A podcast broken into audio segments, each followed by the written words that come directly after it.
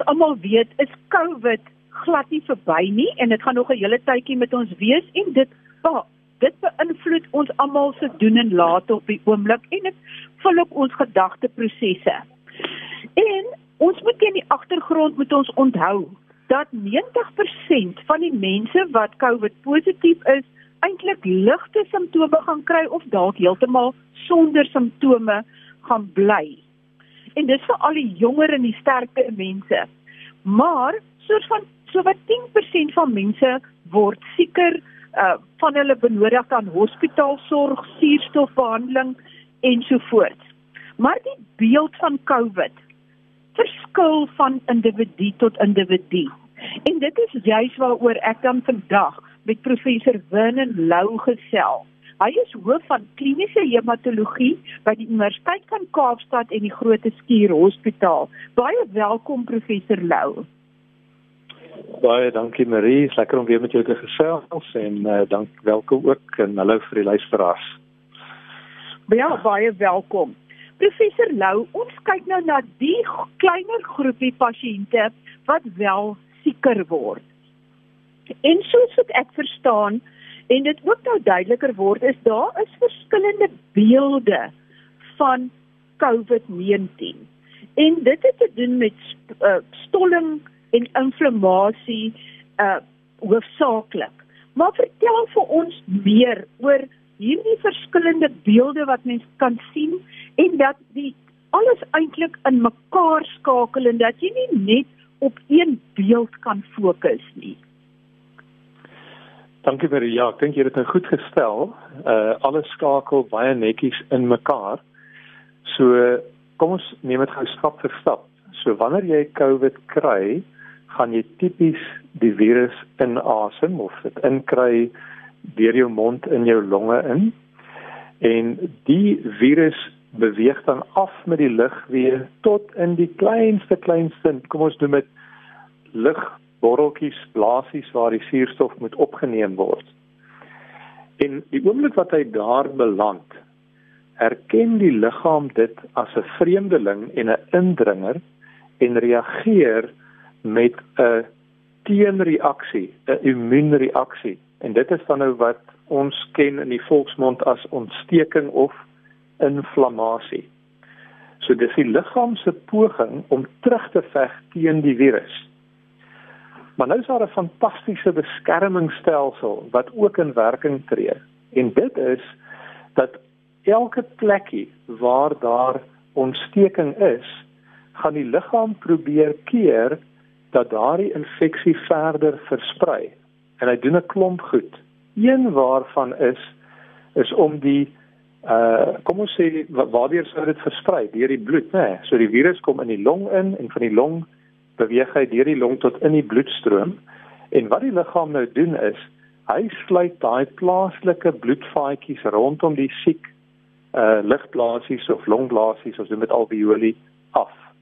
So dis nou amper soos wanneer jy nou 'n pyp het wat bars by die huis. Jy gaan nie probeer om die pyp reg te maak terwyl die water spuit nie. Jy gaan die hoofkraan afsit. Nou die liggaam kan ons nie die hoofkraan afsit nie want dit is die hart. Ons gaan moet plaaslik afskakel. So hy skakel letterlik daar plaaslik af, maar hoe hy dit doen is hy stol basies daai aardkies toe. En dan kan die idee is dat die virus nie verder kan versprei nie. Nou ongelukkig is een van die dinge wat maak dat daai plaaslike trombose geaktiveer word is die selletjies wat die bloedvat belyn. Ons noem dit endoteelselle. En hierdie virus kan die in, kan die endoteel infekteer basies deur die hele liggaam. En nou het jy 'n probleem dat die hele liggaam dink die virus is oral want hy sit nou binne in die endoteelselle en nou kan jy oral deur die liggaam skielik van hierdie trombose kry. En die probleem daarmee is natuurlik veral in die longe dat waar daar trombose is, het jy natuurlik 'n keer dat die virus nie daar versprei nie, maar nou kan jy ook nie suurstof opneem nie. Plus die trombose op sy beurt dryf weer die ontstekingsproses aan, want hy stuur boodskappe om te sê bring nog soldate om te kom veg teen die virus. en so begin hierdie bose kringloop. En met COVID in baie siek pasiënte met COVID is hierdie proses baie baie meer uitgesproke as wat ons gewoonlik sien met 'n virusinfeksie of 'n griep en dis wat dit anders maak.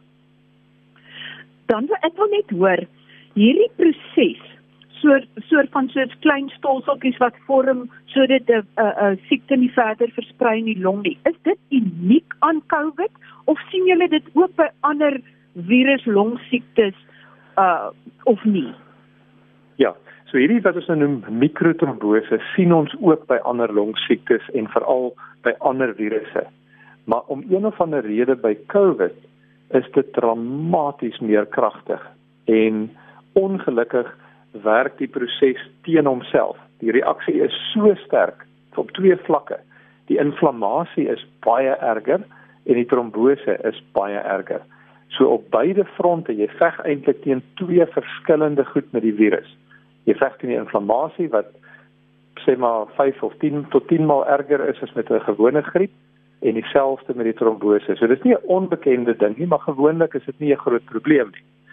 En dan om daai om dinge nog te vererger, is daar ook makrotrombose.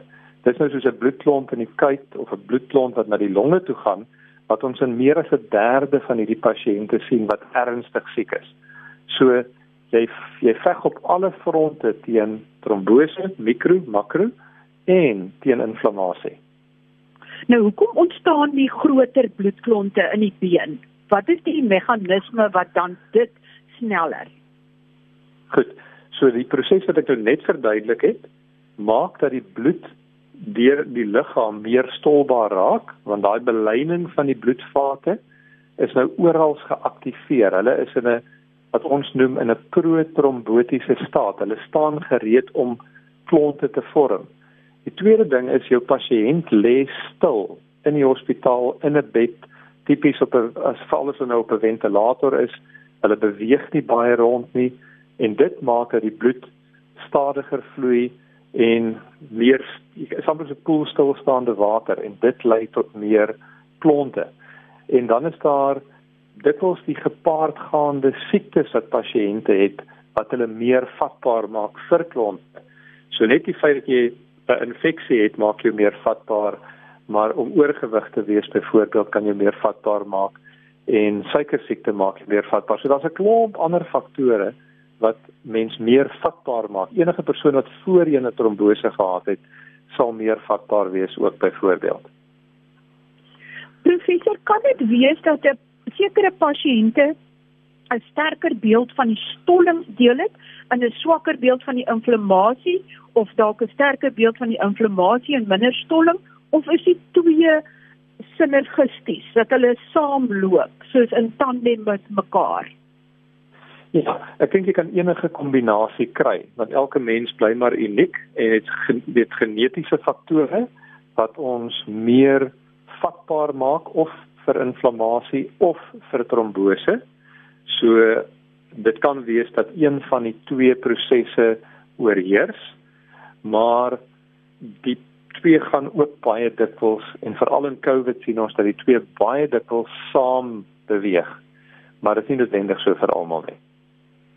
Nou, hoe besluit julle hoe om te behandel? Ek bedoel daarsoos met die stolling, is daar 'n sekere groep medisy wat sê gee heparin en 'n ander groep wat sê nee, moenie net op een vlak die stollingsprobleem takel nie, probeer dit op soveel vlakke as moontlik takel.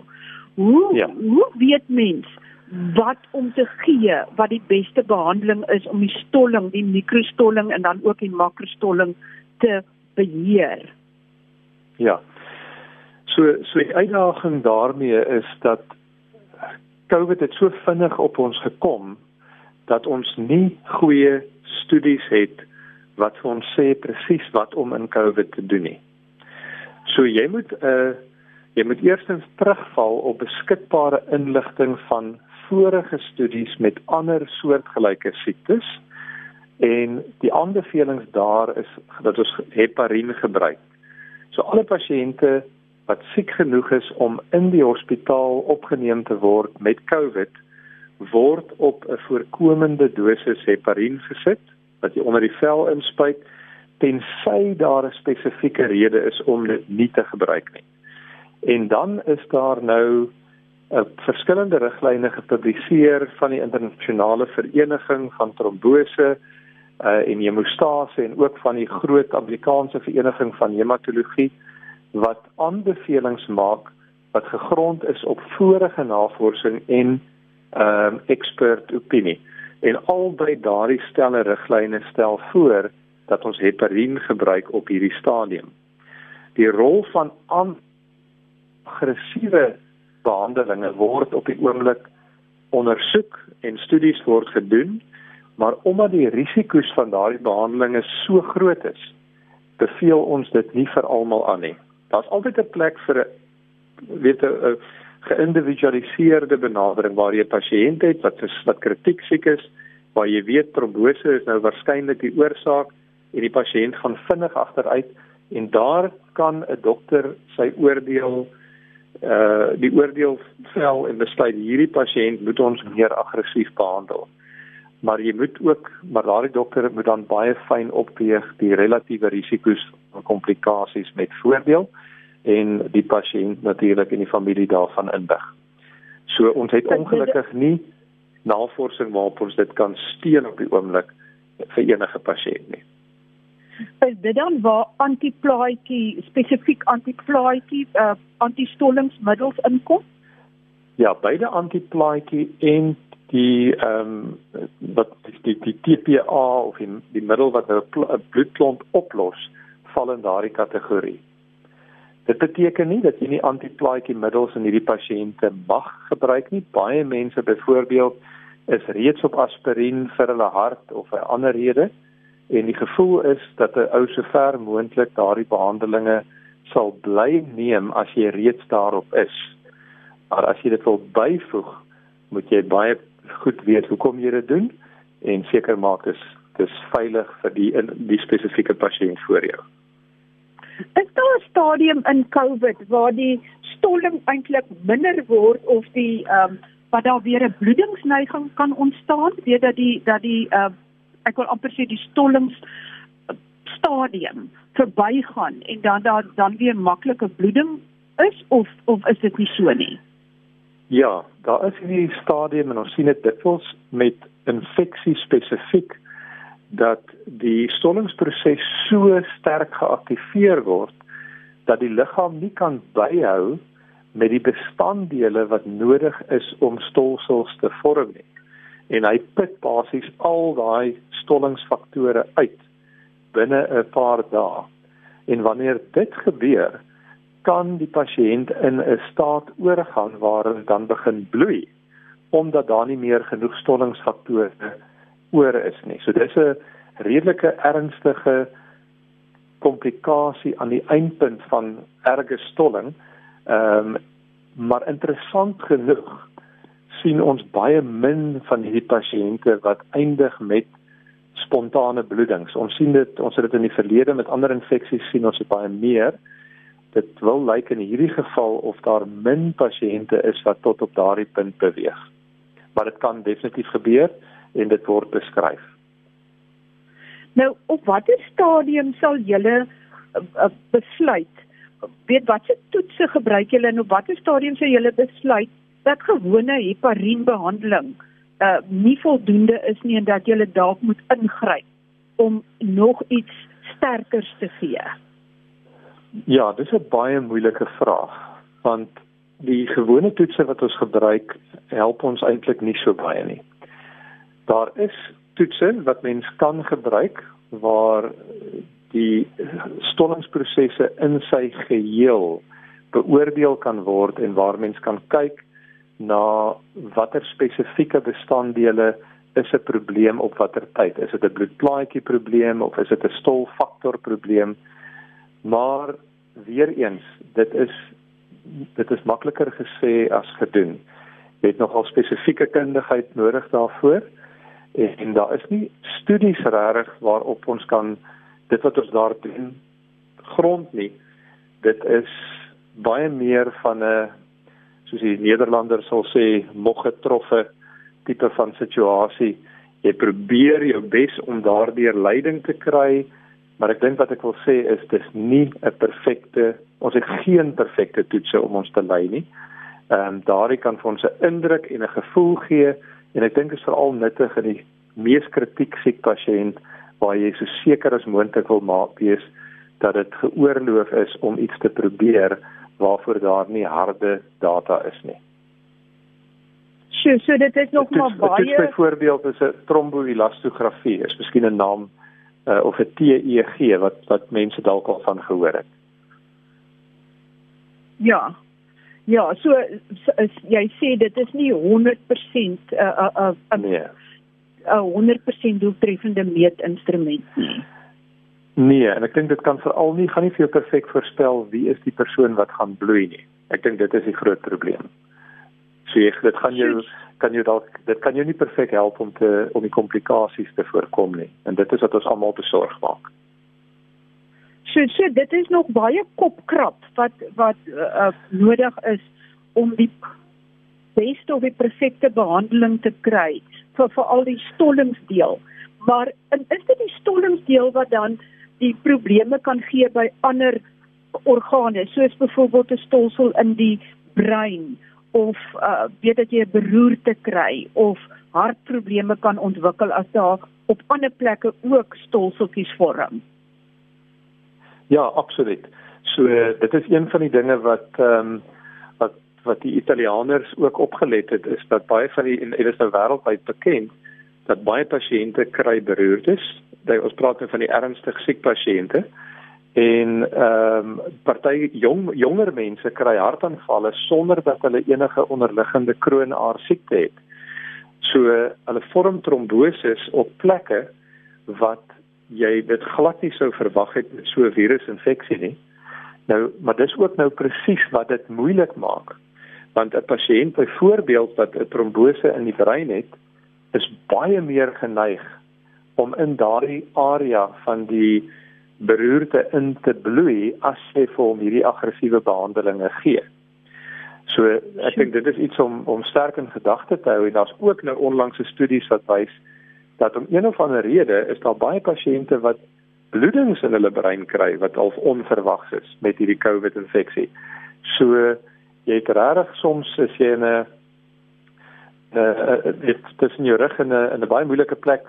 Ehm um, dis dis dit dis die diplosie in die in 'n harde muur want jy weet nie presies wat om te doen altyd met pasiënte wat beroertes kry nie want hulle mag oral anders stol maar as jy die antistolmiddels gee kan hulle weer daar bloei. So dis moeilik, maar jy reg, dit kan trombose kan enige plek wees. En dan kyk mens na die inflammasie deel. Is dit by sekere pasiënte erger en kan dit op ander plekke buite in die longe ook uh simptome lewer. Byvoorbeeld ek sien dat sommige pasiënte kry diarree of uh uh probleme met die ingewande. Is dit dan as gevolg van die inflamma inflammatoriese reaksie?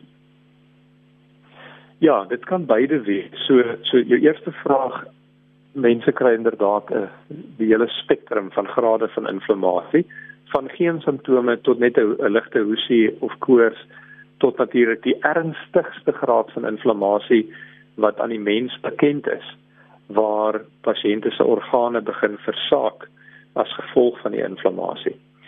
Nou in die darmkanaal weet ons kan daar infeksie wees deur die virus self en dan ook gepaardgaande inflammasie.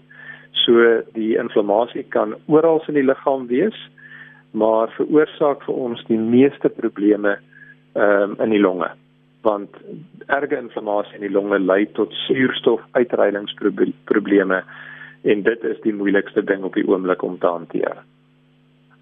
Ek sien suurstofuitreilingsprobleme die die meestal die gevolg van die inflammasie of die inflammasie saam met die stolling. Hoe dit werk daai twee hand aan hand saam.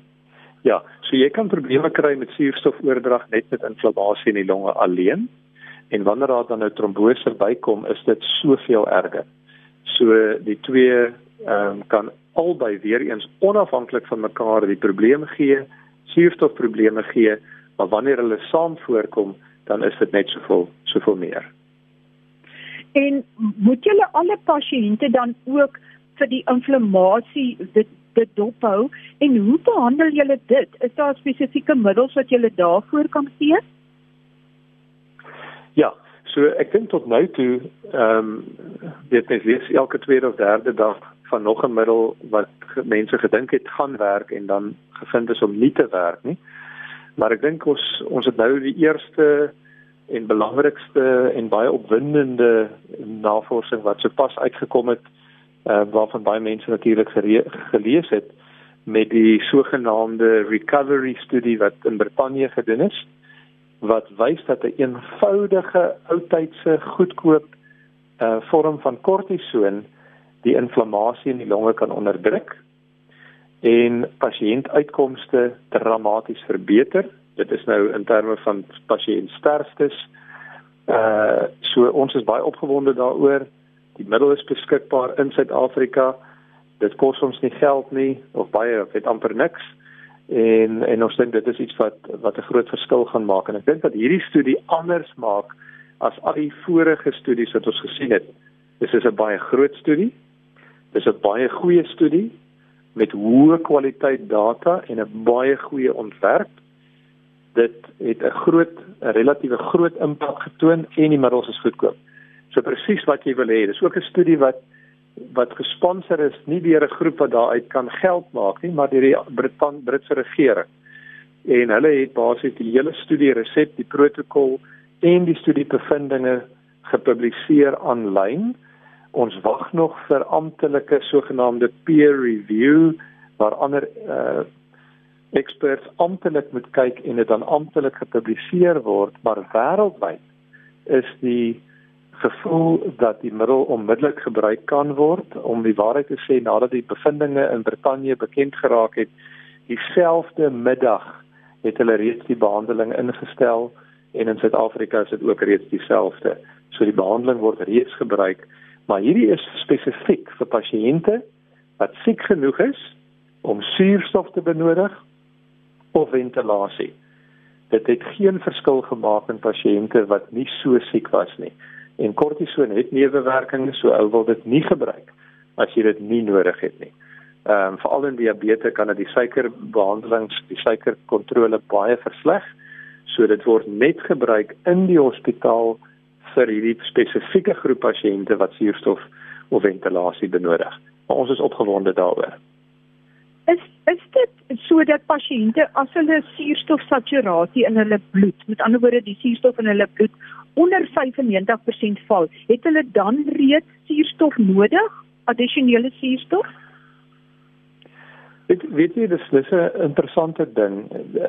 Tradisioneel sou ons gesê het nee, Maar in COVID vind ons dat sommige pasiënte alreeds suurstof nodig het dan, maar nie almal nie. Daar is wat pasiënte wat jy net rustig in die bed kan sit en as hulle gemaklik is en rustig is, dan is hulle oukei okay, en maar daar is sommige wat verbasend genoeg baie vinnig suurstof begin benodig nadat hulle suurstofversadiging onder 95 sak. Maar nou moet ons ook besef dat baie pasiënte met kroniese longaandoeninge mag daar buite rondloop met suurstofversadigings heel wat laer as dit maar waarby hulle liggame aangepas het en hulle nie noodwendig gaan nie noodwendig almal in die hospitaal gesit word op suurstof nie maar dit is so dat pasiënte met uh, suurstofversadigings wat onder daai vlakke daal moet ons maar mooi mooi na kyk en mooi mooi besluit of hulle nodig het of nie Professor, miskien kan ons net afsluit met 'n laaste boodskap van jou. Wat is die belangrikste ding wat jy wil hê luisteraars vandag moet onthou oor COVID? En dan net vinnige laaste boodskap oor weet julle al wat die langtermyngevolge is waarvoor mense moet uitkyk? Goed. So, dankie Marie. Ek dink in terme van eerste die eerste vraag, wat is my belangrikste boodskap? Ek dink ons moet verantwoordelik wees, maar ons moenie in vrees lewe nie. Dit vrees en negatiewe gedagtes is is in elk geval nie goed vir ons immuunstelsel nie en is nie goed vir ons menswees of ons siege nie. So ek dink dis die eerste ding. Ek dink ons moet positief bly. Ons moet 'n geloof lewe en ons moet uh, moet hierdie ding voluit as gemeenskap saam aanpak, doen wat ons kan doen, verantwoordelik wees teenoor mekaar en onsself. Maar ek dink om in vrees te lewe gaan vir jou en vir niemand anders enigsins iets help nie. Kom ons moedig mekaar aan. Dan in terme van die van die toekoms, wil ek sê daar's 'n paar opwindende dinge, daar's nog studies aan kom om self begin hopelik eersdaags met 'n studie waar ons plasma gaan gee ehm um, vir pasiënte wat uh, wat reeds COVID ag wat ons van plasma neem van pasiënte wat reeds COVID gehad het en herstel het en dit gebruik as behandeling vir pasiënte wat baie siek is. So dis 'n opwindende ding wat kom in die in die toekoms en daar's ook verskeie studies aan die gang in Suid-Afrika en in die buiteland oor die trombose en ons hoop om heelwat meer daarvan te leer. So ek dink dis my my hoofboodskap. Moenie bang wees nie. Kom ons vat dit positief. Daar is hoop. Ja, dit is so dat daar pasiënte is wat baie siek word en ons moet ons mekaar mooi oppas en ons moet vinnig hulp soek. Ons moenie wag te lank as ons as ons siek raak nie, want hoe gouer jy behandel, hoe gouer is die kans dat 'n ou kan kan gesond raak. Baie baie dankie professor Lou vir daai positiewe boodskap en ja, ek hoop soort van met elke bietjie inligting dat ons al hoe meer bemagtig word en dat die vrees minder word vir die siekte skakel gerus volgende week weer in van gesondheid op RSG vir nog gesondheidsgesprekke. Groete van my, Marie Hudson.